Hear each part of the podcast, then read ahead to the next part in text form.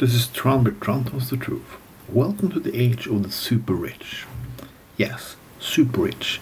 If you're rich, you want to get richer, even richer. There's no way, no pocket who can be filled with more money. You just need more, more, more, more. We thought that time was over, but the time is not over. You always think that that can keep you going, and we're going, and we're going, and the super rich will only get super richer.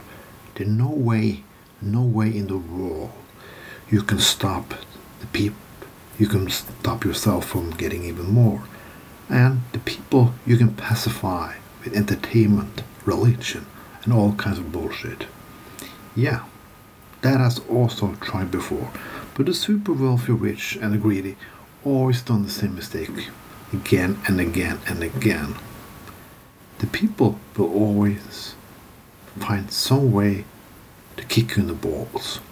And that when that happen, yeah.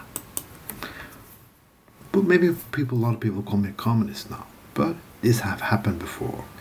In France, in 1789, the people stood up. The revolution came, well, was knocked down later, but it started.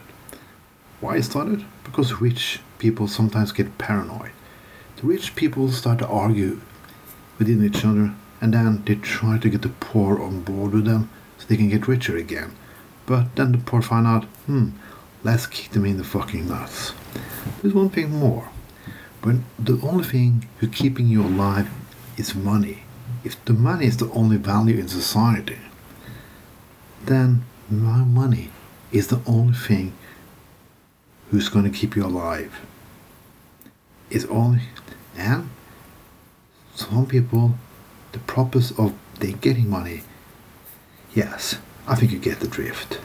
Many years ago, I worked at the Grieg Hall when some rich people wanted to do something, and he was like, "Money talks, money talks." Yes, of course, I said back. Money talks because I get paid. If you didn't pay me, I wouldn't do it.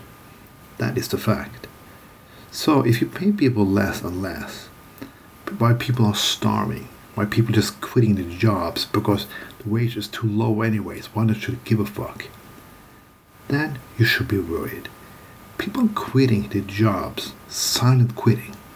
Well, they'd rather live shitty poor with no job than working poor with shitty lives.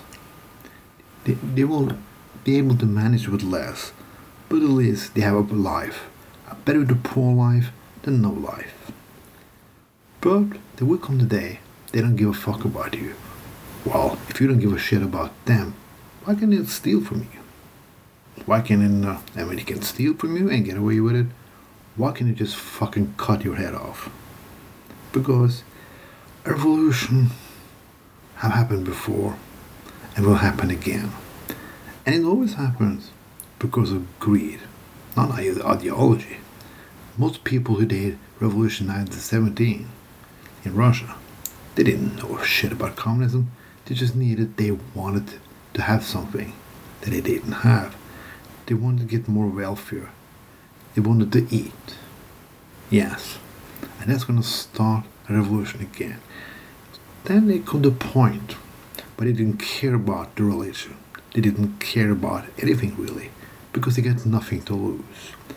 So, there you got that one you can always use Fox News and all the shitty channels you got conservatives to talk like religion was back, prayers go back in school, but it will not help you. It's like pissing in the pants to keep you warm.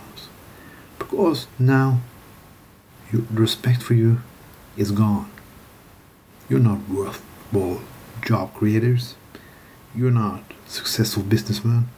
You're just greedy fucking asshole who one day gonna get your head cut off. This was Tron. Tron tells the truth.